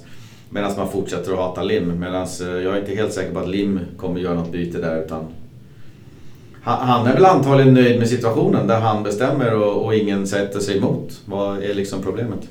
Ja, nej, men det, alltså, det, kommer, det, det kommer behöva gå lika långt som det gjorde med Gary Neville. Liksom, för att, eh, Gary Neville var ju ändå en personlig vän till Peter Lim.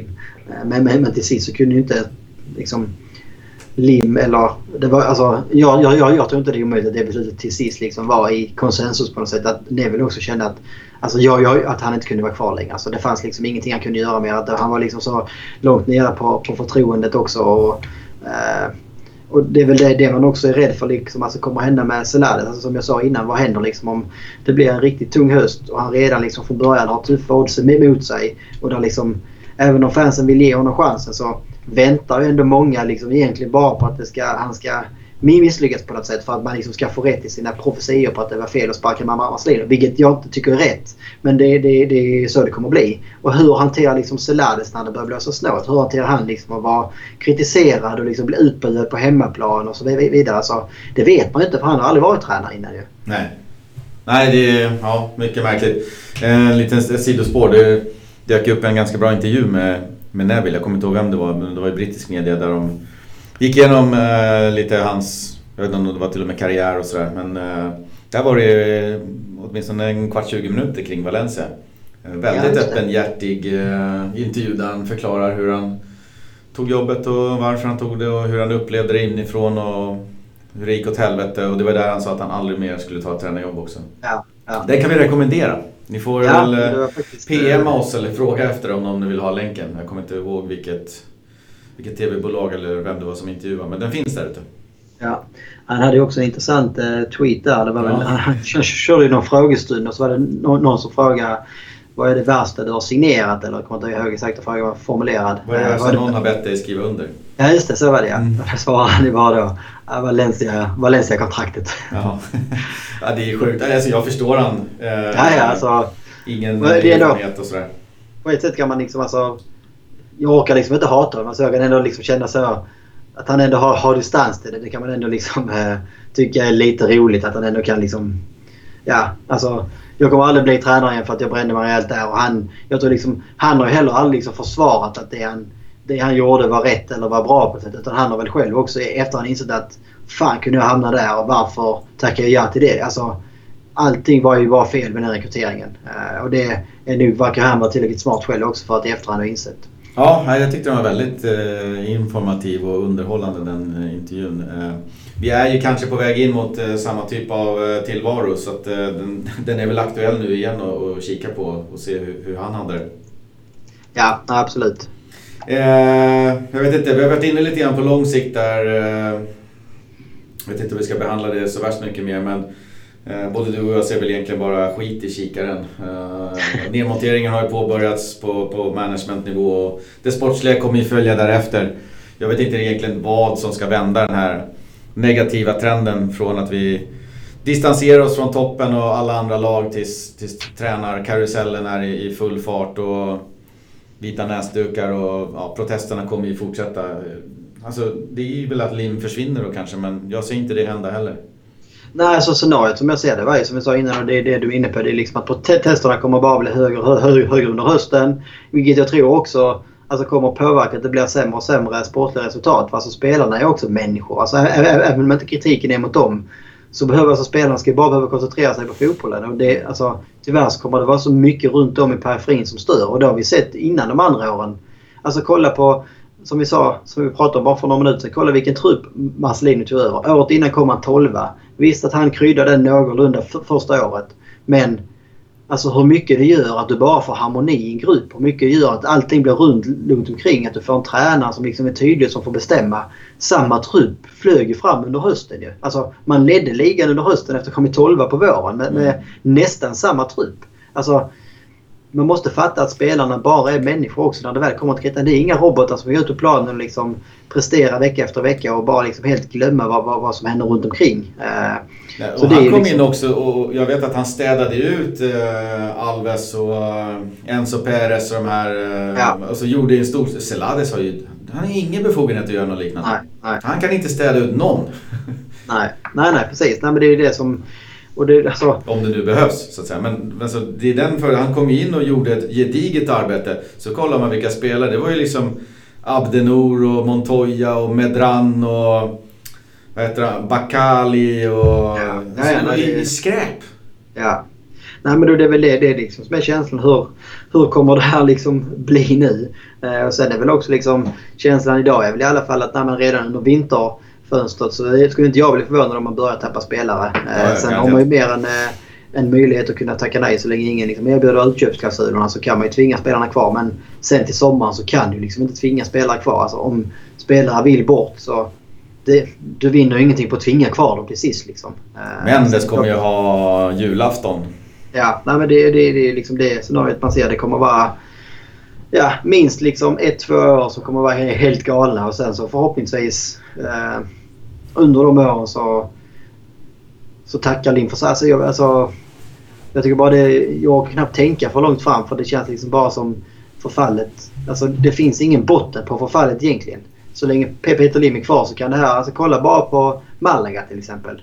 Exakt. Man hade liksom eh, en Champions League-trupp, man hade en ägare som kom in och sprutade in pengar. Det kom spelare och tränare, man var med i Champions League. Ja, nu är man liksom nere och harvar i sekunden. Och det, visst, det är inte alls en så stor klubb som Valencia. Eh, Men det bevisar också bara på hur snabbt det kan svänga när, när man får in de här ägarna som är så jävla kortsiktiga rent ut sagt. Uh.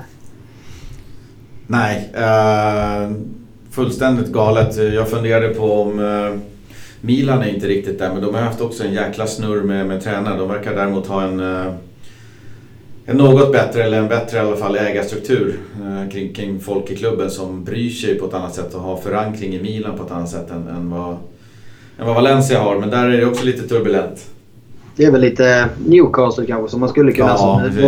De har haft det värre i flera år om man säger så. Men eh, jag vet att jag pratade med Noah Bakter för något, något år sedan. Det var väl precis innan Marcelino kom in tror jag då när vi hade den, den senaste krisen med Neville. Eh, och då var han ju också inne på det att Valencia och Newcastle alltså på många sätt var man ganska lika. Så forna storklubbar som liksom vunnit titlar, vunnit ligan inom liksom, i modern tid. Eh, som nu liksom hamnat i helt fel ägares liksom, klor som bara trycker ner klubben i förfall. Eh, sen för liksom, jämför man den tidpunkten och fram till idag så har ju Newcastles förfall liksom sakta men säkert bara bara, bara, bara, bara tynat och blivit värre och värre, värre, värre kanske. Medan Valencia ändå fick en liten utgång här men nu, nu känns det som att nu, nu är man tillbaka ner i, i, i hålet igen på något sätt. Ja, ja, det är som du nämnde, jag ser nästan Malaga framför mig. Alltså, de, de har ju en shake. Det är helt sjukt. Ja. Ja, ja. med, med, pengar. Nu senast så var det han eh, Shinji Okazaki som gick från, som har en historia i Leicester bland annat, som gick dit. Och var där en månad. Och sa nej men det fanns inga pengar, ekonomiska grejer, så han drog. Ja. Och jag tror han hamnade i, jag vet inte om det var Huesca eller något annat så här lag. Så vi fråga vad gör han i sekundan för, för det första. Men, nej, det, det är så illa ställt i Malaga att, att han var tvungen att lämna efter en månad. Ja, nej, det... Och de har en shake. Ja. ja, det är sjukt. Vi har ju också ja. en, en ägare som, ja, jag vet inte vad vi ska säga. Nej, det känns som att vi kanske snart ska runda av innan vi... Ja. Ska vi avrunda med något positivt med en liten scorecast kanske? Ja, eh, ja, precis. Jag har haft en fråga som jag tänkte ställa till dig förut. Jag tänkte om vi ska avrunda lite positivt. Eh, ja, gör det. Negativa. Eh, det har inte varit läge. Dels har vi inte spelat in på ett par veckor och dels har vi haft så ofattbart mycket annat eh, att prata om så att det har varit läge för att ställa den frågan. Men vi eh, har ju alla haft eh, lite, varit lite tunnhåriga och slitit vårt hår över Dani Parejo, eh, hur han har varit på planen och, och, och, hur han har varit som kapten och att han liksom inte riktigt är den spelaren kanske, eller först och främst kaptenen som ska liksom bära Valencia på sina axlar. Och då är min fråga till dig, du som var nere i Sevilla. Eh, hur, hur har din bild av Dani Parejo förändrats från, låt säga, julen förra året, alltså nio månader sedan när det gick lite tungt. Fram hela våren, hur han manade på alla den formen han har haft och hur han eh, hanterade hela Copa del finalen Hur han eh, så otroligt vackert och fint eh, höll tal, eh, grät på scenen. Hur han, hur han har hanterat den här eh, sommarens turbulens och alltså jag får en känsla av att han har klivit fram. Men hur, hur har din bild av Parejo som kapten förändrats de senaste tio månaderna? Nej, men jag tycker också alltså nästan börja lite längre tillbaka. Det kändes ändå som, alltså redan med Marcelinos intåg på gång så började man se förändringar i Parejo. Sen så tog det liksom tog det ett och ett halvt, ett år kanske innan han började liksom hitta jämnet i det här. Mm. Men, men redan första säsongen så stod man, såg man en stor skillnad på Parejo. Att hans toppar blev högre. Eh, han saknar, om man nu bara pratar spelmässigt, han saknar ju fortfarande de här ledaregenskaperna som man vill se som lagkapten. Men precis som du är inne på så klickar man bara liksom och så här före och efter december 2018 så är det liksom en helt, helt annan Parejo. Det börjar ju med det här äh, meddelandet som han liksom körde ut i december 2018 och allt så som mörkas ut liksom att han vägrar ge upp säsongen när man inte mm. spelat halva säsongen och liksom nu, nu gäller det att vi går ihop och nu måste vi visa karaktär. Och den tweeten liksom fick ju, fick ju liv under hela våren och det var ju liksom det syntes också på planen. Liksom. Alltså Parejo var väl kanske en av Valencias viktigaste spelare under hela våren. Och under den här vändningen liksom, på något sätt. Det blir ju Marcelinos förlängda arm på planen. Det var liksom han som ja, men tydligast förkroppsligade att nej, men fan, det här är inte tränaren som ska gå. Det här är liksom vi spelare som ska se till att vända det här. Eh, sen såg man liksom hur det var, jag tycker också det blir tydligt på plats i Sevilla. Eh, han gör en superfinal. Alltså, jag vet inte om jag har sett Danny Parejo så bra någon gång. Mm. Liksom, han dominerar ju mot ett bra inomhusfält i Barcelona. Men sen blir han skadad där runt 65 eller någonting. Och liksom dels, dels den hyllningen han får när han blir utbytt. Dels den paniken som man liksom kan känna på läktarna. Liksom, mm. bara, fan, det är, är 25-30 minuter kvar utan Parejo på planen. Uh, hur fan ska det här gå? För att förra säsongen var det ju så jävla uppenbart att när Parejo inte spelade så var ju Valencia ett helt annat lag. Mm. Uh, och nu, nu ska man liksom då försvara en ledning i final. Uh, och sen liksom då efter finalen också när man har säkrat när han går upp och hämtar pokalen. Eh, och man, liksom, man ser hur mycket det betyder för Parejo. Man ser liksom också att det, det var liksom... Jag tror det var där och då som liksom Parejo ändå blev och kommer bli ihågkommen som liksom en av de ändå större kaptenerna. Alltså dels att man vinner titel och får lyfta den. Men också liksom för att han under våren verkligen många stunder bar laget. Inte bara spelmässigt utan också liksom... Han är, den, han är så det finns ingen tydlig ledare i, i, i laget på något sätt. Uh, utan han, han har fått ta det mycket själv. Uh, mm. Man har ju saknat att flera av de andra som Rodrigo kanske skulle kliva fram ännu mer. Eller Garay eller liksom någon av de här äldre spelarna. Men det är ingen av dem som på all samma sätt liksom har varit talespersonen. Alltså varken rent mentalt eller på planen på något sätt. Och det var också unisont när de skulle välja kapten när alla pekade på ja, Parejo. Ja. Nej, och det är liksom, det, nu, nu, nu börjar man förstå för att vi, vi har ju många gånger innan de senaste åren liksom varit oförstående för alltså, vad, är det liksom som gör att hela truppen... Alltså för Parejo har ju varit kapten i många år nu. Men det är ju liksom först nu som hans liksom kaptensegenskaper också börjar sippra utanför omklädningsrummet. Alltså, mm. nu, nu, nu kan man ju förstå att alltså, om Parejo varit så här alltid i omklädningsrummet och på träningar och i gruppen så fattar jag att, liksom, att spelarna röstar fram honom. Men han, han har inte visat det här alls så här tydligt tidigare utåt som han, han, han gör nu. Och ännu mer har det varit kring hela liksom, soppan här i höst. Alltså började i somras var ju liksom tydlig med att eh, nu, liksom, nu handlar det om att fokusera på det sportsliga. Säsongen börjar om några veckor. Nu liksom är det det här vi måste lägga fokus på. Nu måste vi, allt annat skit måste vi glömma nu. Och här allt kring Marcelinos avgång. Alltså hade han ett super, superfint eh, meddelande eller vad man ska säga till honom där han liksom utan att varken liksom vara för negativ mot klubben eller liksom eh, försöka ljuga eller vad man ska säga. Så var det liksom tydligt att han, han hyllade mammas linje och tyckte det liksom var, var fel som allt hade gått, gått, gått till.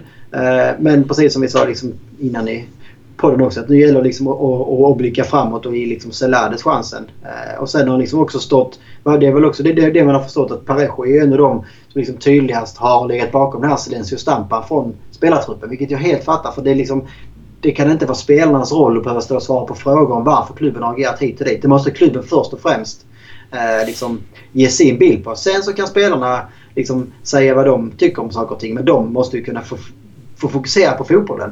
Och på så, eh, så sätt så kliver han ju fram som en kapten ska göra och skyddar sina spelare från någonting som inte har gått korrekt till. Ja, och verkligen gör det också. Ja. Inte bara liksom att han hamnar på scenen eller Rodrigo hamnar på scenen och får svar på frågor. Där kliver han fram och sätter ner foten mot Andy ja. Murti. Även fast han har sina sympatier med Valencia-klubben och vi måste kämpa vidare så säger han nu till. Oerhört stort. Ja, nej, alltså, det har verkligen liksom hela den bilden av honom har för mig, alltså personligen också svängt. Och det känns liksom som allmänt att han har svängt för många. Liksom. Alltså man, eh, spelmässigt så kommer han ju Alltså, han har blivit betydligt bättre där också. Det här att blanda högt och lågt. Men mm. där kommer han ju alltid liksom bli ihågkommen som det. Att det finns få spelare liksom i Valencia de senaste tio åren som liksom har Parejos toppar när han, när han är som bäst. Då finns det ingen som har betytt så mycket för Valencias spel som Parejo gör. Eh, samtidigt så har han ju det här att han, ja men som nu mot Leganes så kan han också se långa stunder ganska, eh, jag vet inte, loj ut. Men det är mm. också alltså, hans framtoning på något sätt. Att ibland ser lojare ut än det kanske... En del spelare har allting fighting-ansiktet påkopplat oavsett om de gör en dålig eller bra match. Det har ju inte riktigt Parejo. Eh, men det är liksom... Ja, det, det, kan ibland vara svårt att bortse ifrån för man tycker liksom att man ibland från en kapten vill begära mer liksom, inställningsmässigt hit och dit. Men jag tycker många av de andra grejerna nu väger över det på något sätt. Att han, att han ibland också bara är människa på något sätt. Att han... Eh, Eh, liksom, han kan inte bära det, hela det här oket hur länge och hur mycket som helst. Utan han behöver hjälp dels liksom, av de andra kaptenerna i laget men också klubben runt omkring. Så att Parejo bara ska kunna koncentrera sig på, på att vara lagkapten på planen. Han ska ju liksom inte egentligen behöva eh, sköta allt det här. Alltså, han, han ska inte behöva göra de här uttalandena egentligen. Utan han ska ju kunna fokusera på att vara en lagkapten och vara en spelare i Valencia. Och sen så får liksom klubbledningen eh, kommentera allt all, all, allt annat som händer på något vis. Jag tror att han har gjort oerhört, oerhört mycket rätt saker i Valencia, speciellt senaste året med hur han har agerat, hur han har varit och med tanke på att han kanske har varit så här fast bakom eh, omklädningsrummets stängda dörr eh, tidigare ja. och det inte har nått ut så får man ju utgå ifrån att eh, han har varit oerhört betydande även i omklädningsrummet nu, även fast det inte har nått ut. Nu har ju några Precis. uttalanden och några ageringar nått ut när han har varit tvungen och, och gjort det på ett bra sätt. Så jag tror att det finns mer under ytan kring hur han har agerat eh, under den här våren och under sommaren och, och nu lite under hösten. Då. Ja, nej, men det är verkligen alltså så här mogna sent liksom, men eh, bättre sent än aldrig. Och nu, nu är han ju liksom en, en kapten som man, ja, men som man verkligen liksom älskar och som man vill se liksom leda sitt Valencia på något sätt. Eh, så det är väl en av de positiva grejerna som ändå har kommit ur liksom all misär. Det är ju liksom att Parejo verkligen har växt fram till den ledaren som han uppenbarligen har haft inom sig. Ja, stor värme för eh, mycket av det Valencia, eller Parejo har gjort under senaste tiden i det här, den här stormen. Ja. Ska vi kolla på en uh, scorecast? Uh, I match i, imorgon, vi spelar en tisdag kväll här då. Just det. Match imorgon, den kanske vi skippar då. Jag vet inte om uh, avsnittet är ute innan. Vi hoppas ju det, men vi kanske ska tippa den på sociala medier du och jag. Ja, det kan vi göra. Det är väl bättre det. Så får vi liksom garanterat giltiga röster på den eller Precis. giltiga tips. Så kollar vi på Bilbao borta. Ja, nu blir det lurigt här. Mm. Man hade ju gärna velat ta med sig Getafe-resultatet och liksom se men uh, Bilbao borta är ju alltså det är en tuff bortamatch. Uh, Tajt schema här också. Uh, samtidigt kanske det är liksom kanske det Valencia behöver kunna åka ut och inte ha... Uh, alltså Getafe hemma kommer det ändå vara liksom all press på Valencia eller man ska säga att vinna. Eh, Bilbao borta kanske man ändå kan liksom något sätt få in en känsla att eh, mm. man inte har samma press på sig så att man kanske kan åka dit och spela mer avslappnat. Så jag säger 1-2. 1-2, en vinst. Och vem har vi? jag tror att det passar Maxi Gomes där. Lite mer fysiskt spel. Det kommer kanske bli lite inläggsfotboll liksom och kriga i straffområdet mot eh, baskerna där. Och då, då tror jag liksom att han, att han kommer kanske mer fram till sin rätt. Ja, eh, jag hoppas att du har rätt. Jag skulle gärna se Maxi näta en gång till blir det nu då. Han gjorde väl mål mot Barca där.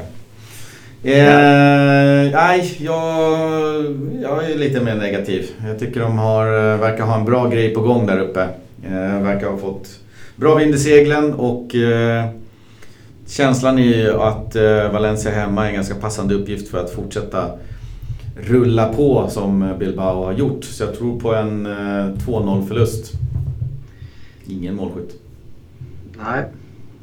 Fan vad tråkig någon, någon, någon ska vara mer eh, realist också. ja, det kanske är det. Ja, vi får se vem som är mer... Ja, men så är känslan nu. Jag, jag vet inte.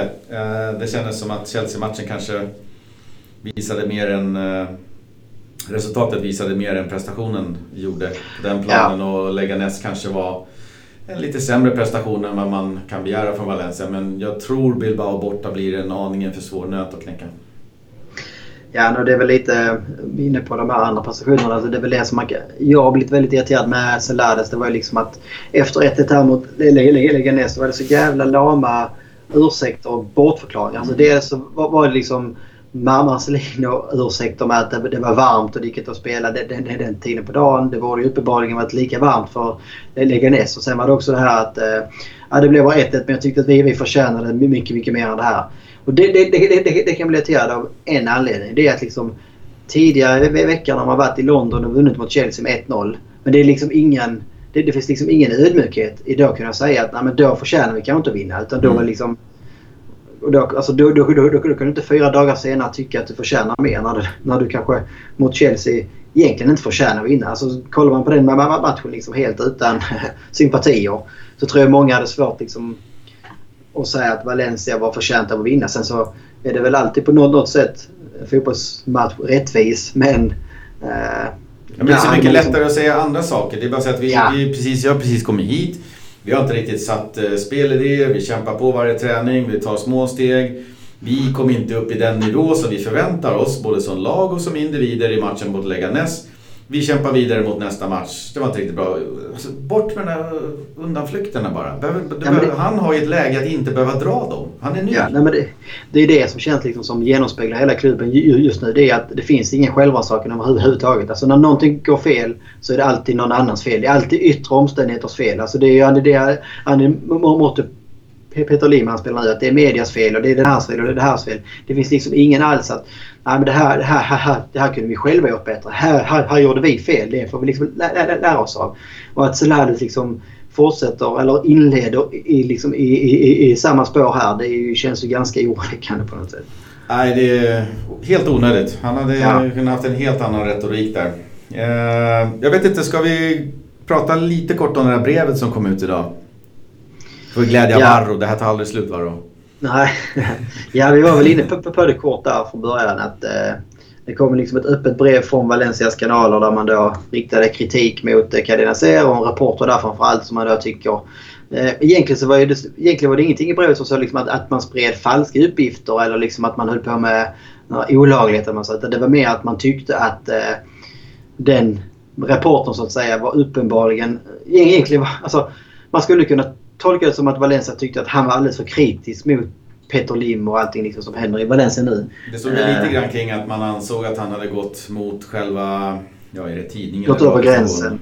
Ja, ja, enligt deras eh, pressetik eller vad man ska säga. Alltså, ja. Det var inget olagligt eller det var inget sånt utan det var med att så får inte en reporter agera enligt arbetsgivaren så att säga. var väl de inne på lite grann. Ja, men det är det alltså. Ja, jag tycker precis som allt det andra vi har pratat om innan, alltså, som Valencia håller på med nu. Det är att alltså, officiella kanaler kan ju aldrig gå ut och börja kritisera öppna medier. Alltså, framförallt inte i det här fallet där det, där det uppenbarligen inte var något fel. Alltså, det är väl bara att de tycker att han har liksom gått över gränsen och att det liksom var för mycket kritik och för mycket personlig kritik kanske. Att det inte är hans uppgift att göra det. Men vad fan, alltså, gå inte ut i officiella kanaler och börja påstå att media hit och dit gör fel. Det är ju, alltså, det är ju Donald Trump och det är diktaturer som håller på med det. Alltså vad fan håller man på med? Nej, du har ingen anledning att gå ut och kommentera det överhuvudtaget tycker jag. Nej, eh, Kollar man på den här eh, killens eller reporterns Twitter så det som har gått ut, och han har ju då lagt ut en bild som han då, ja den är mer eller mindre bekräftad som du sa där att att det är Anil Murtis bakgrundsbild på telefonen eller hans bild i WhatsApp-gruppen.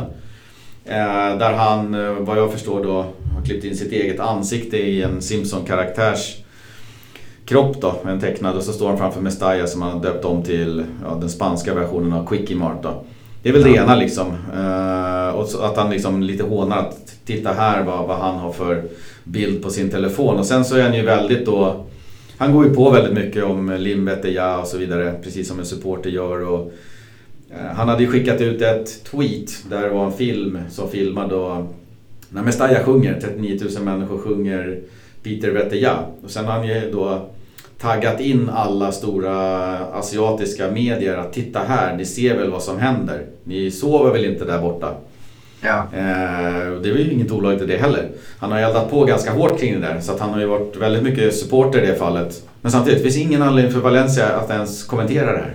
Nej, nej men alltså det, det, det är väl klart att man kan tycka att Sen att man kan tycka liksom att hans journalist har gått över gränsen. Men sen ska man också komma ihåg, alltså, jämföra med svenska journalister där det finns liksom ett helt annat oberoende på mm. sporttidningarna. Det finns i Spanien. Alltså, jobbar du på Superdeport eller du jobbar liksom på någon av de valencianska sporttidningarna så följer du Valencia CF. Punkt. Alltså, ja, de är subjektiva.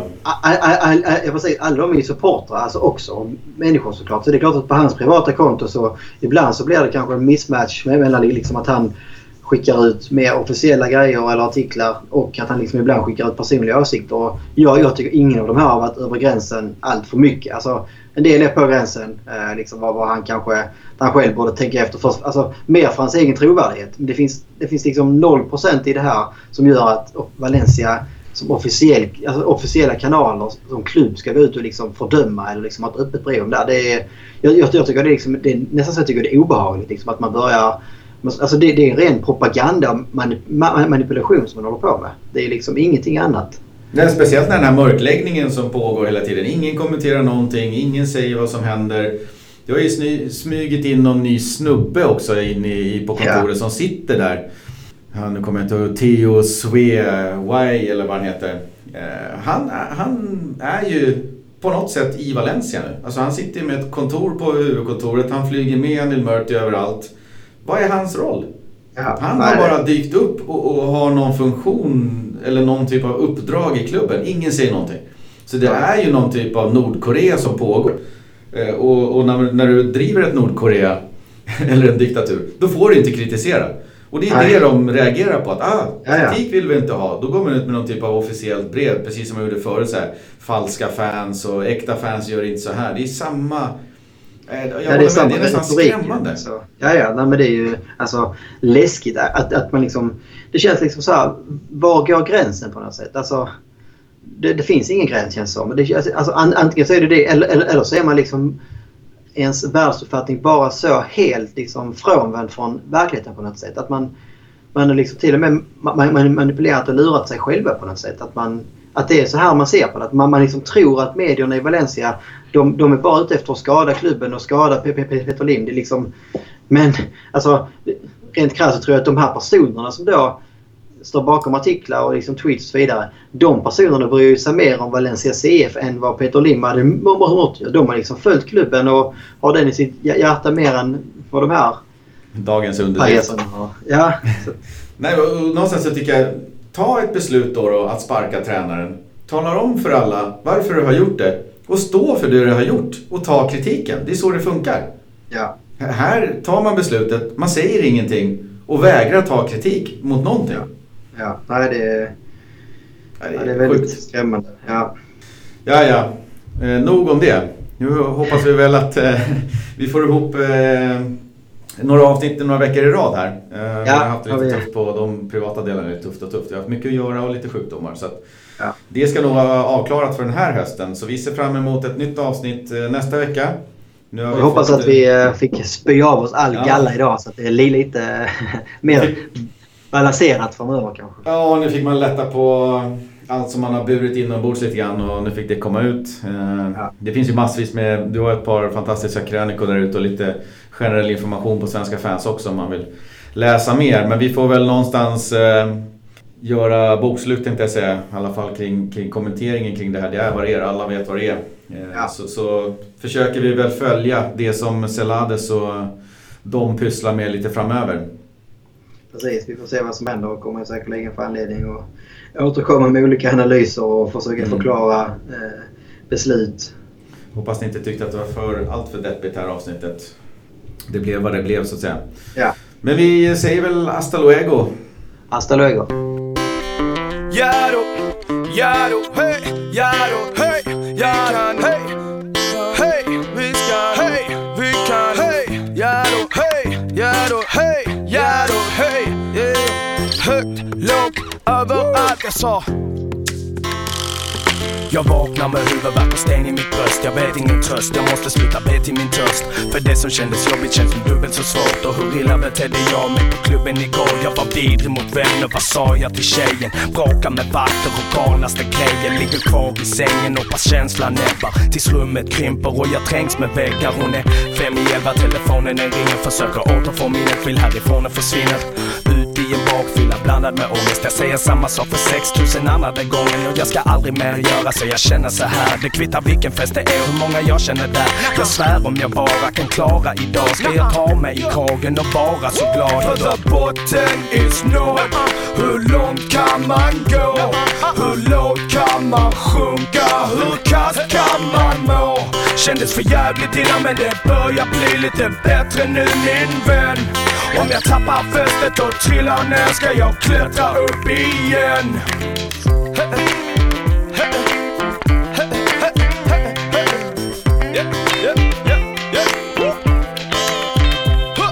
Till slut när jag orkar ta mig upp på min bädd för jag har chock när jag ser klockan är kvart över ett. Jag skulle träffat min syster för typ en timme sen. Jag missar telefontiden hos kronofogden igen. Men jag lär ju mig aldrig av mina misstag. Vilket ämne det jag har en brist av.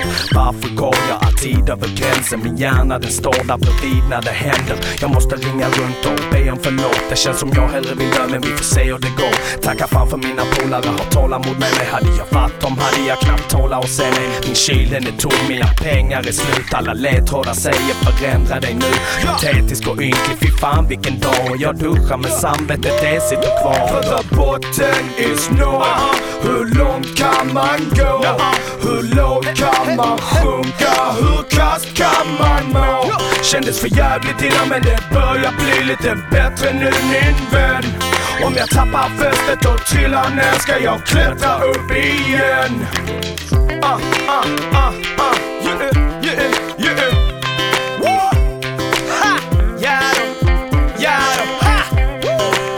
by som ja nebojal. Tänka på annat som gör mig ännu ledsnare och jag är nästan förbannad med det som inte dödar mig blir jag ju starkare av. Det är dags att styra upp skiten och göra smartare val. Så knappt man kan vara, jo man smäller av och det är knappt att man klarar såna sämre dagar innan det går för långt. Nu är jag desperat. Jag vill ju se till att göra något bättre av denna korta tid som vi har här på denna planeten. Kan man inte gå runt och skapa sina egna helveten. Rah, äntligen så börjar ångesten släppa och den bästa medicinen för mig är sånger som denna. Vi tittar upp, ner, överallt. Jag sa upp, ner och överallt. Överallt. För där botten is no Hur långt kan man gå? Hur lågt kan man sjunka? Hur kast kan man må? Kändes för jävligt innan men det börjar bli lite bättre nu min vän Om jag tappar fästet och trillar ner ska jag klättra upp igen Vi tittar uppåt, uppåt, uppåt Vi tittar uppåt, uppåt, uppåt Ja, ja, ja då, ja då, ja då Motherfucking in the